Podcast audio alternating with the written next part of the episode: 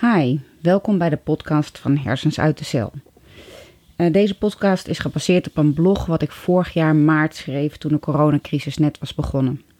Vind je het nou makkelijker om te luisteren en mee te lezen? Dan kan dat via de website www.brein.support. Onder het knopje Mijn reis kan je deze blog vinden van 27 maart 2020. Corona. Sociale isolatie door de expert. Corona. Het is wel het ding van de maand.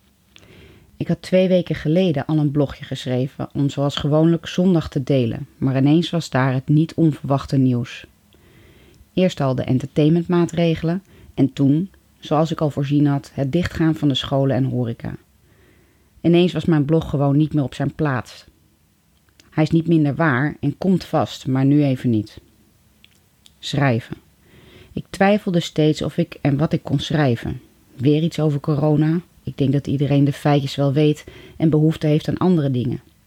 Toch kan ik er niet omheen, zoals niemand er omheen kan. Het is hier niet anders dan bij anderen thuis. Maar wacht even. Net schreef ik: Het is hier niet anders dan bij anderen thuis. Nou, hoe mooi is dat eigenlijk? Het rolt zo uit mijn vingers op de toetsen, maar het is zo onbetaalbaar. Het is niet anders dan bij anderen thuis. De implicaties van deze ogenschijnlijk normale zin dringen dieper tot mij door terwijl ik dit schrijf.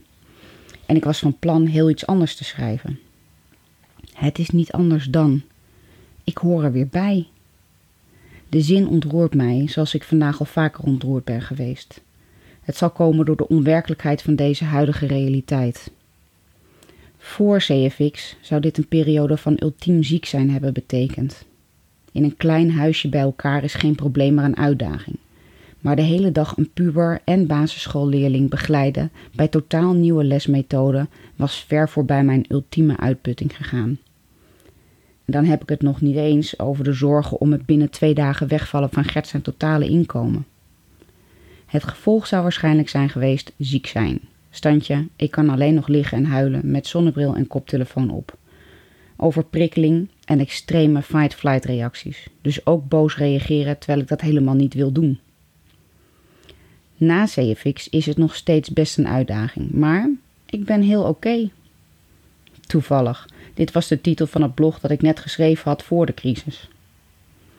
Eigenlijk hebben de afgelopen bijna acht jaar mij voorbereid op dit moment.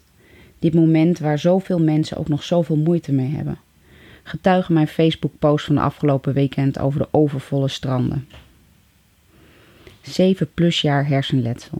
In de 7 plus jaar voor ik naar CFX ging, heb ik noodgedwongen steeds een beetje meer geleerd om mezelf te isoleren.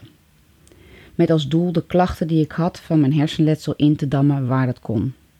In eerste instantie, de jaren voor de diagnose, ging dat door onbewust een prikkelarme omgeving op te zoeken maar ook mijzelf proberen over mijn grenzen te jagen om beter te worden, als een soort fitness of cardio.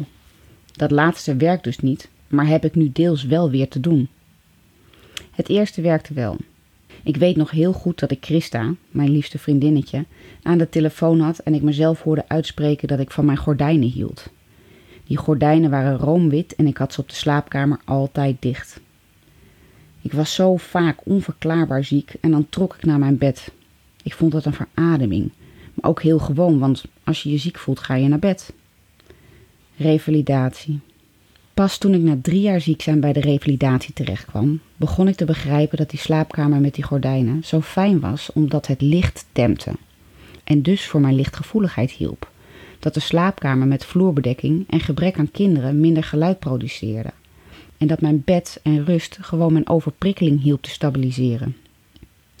Ook leerde ik dat ik mijn grenzen moest respecteren en de lat tot bijna nul omlaag moest. Versimpelen, vertragen.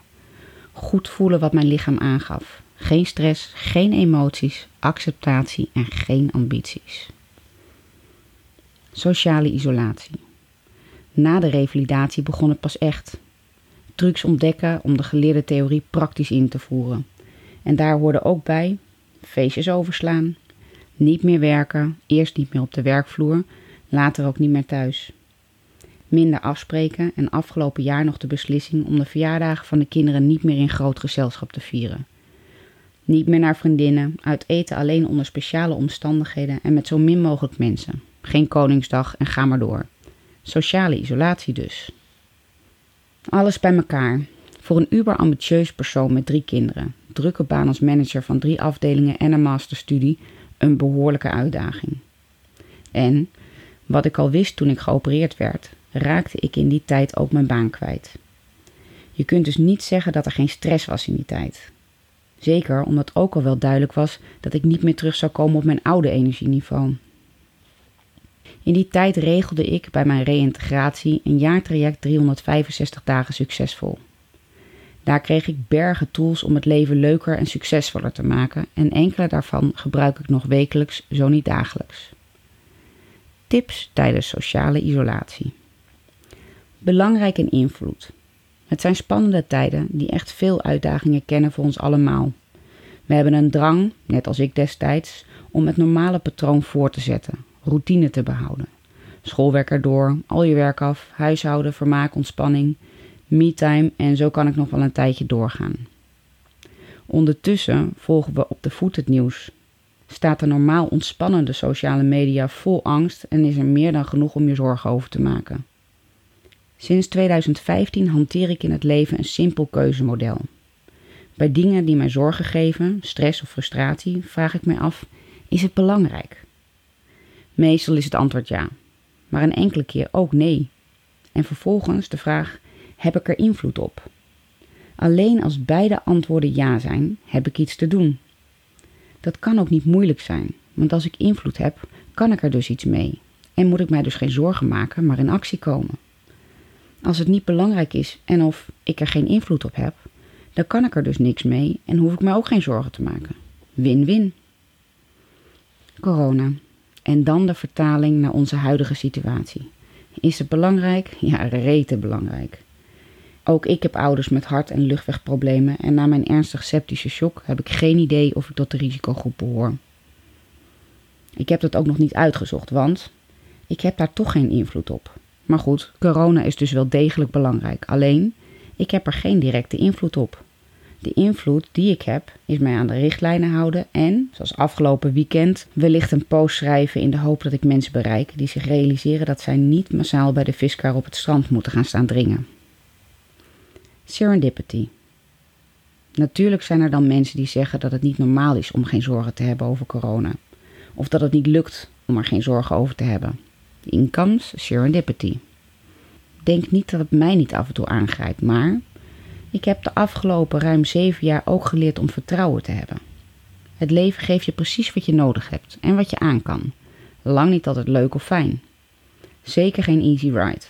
Maar als je bereid bent onderzoekend te kijken, met open vizier te leven, dan zit in de cadeautjes waar je niet op zat te wachten de mooiste inhoud. Vertrouwen dat de meest beroerde situaties en gebeurtenissen altijd iets goeds in zich hebben, mits je ervoor open staat. Bereid bent het te onderzoeken en te zoeken, jezelf dwingt het te zien en te voelen. Moeilijk is dat eigenlijk niet. Het is een kwestie van oefenen en bewijs opbouwen. Hoe vaker je dat bewijs voor het goede, het mooie dat nare dingen je kunnen brengen weet te vinden, hoe makkelijker het elke keer wordt. Serendipity. Iets goeds vinden waar je niet naar op zoek was. Het is mijn levensmotto. Zelfs mijn ziek zijn heeft mij zoveel moois gebracht dat het hersenletsel en de narigheid in het niet valt bij de positieve dingen. Gewoon omdat die er zijn en ik ervoor kies om ze te zien.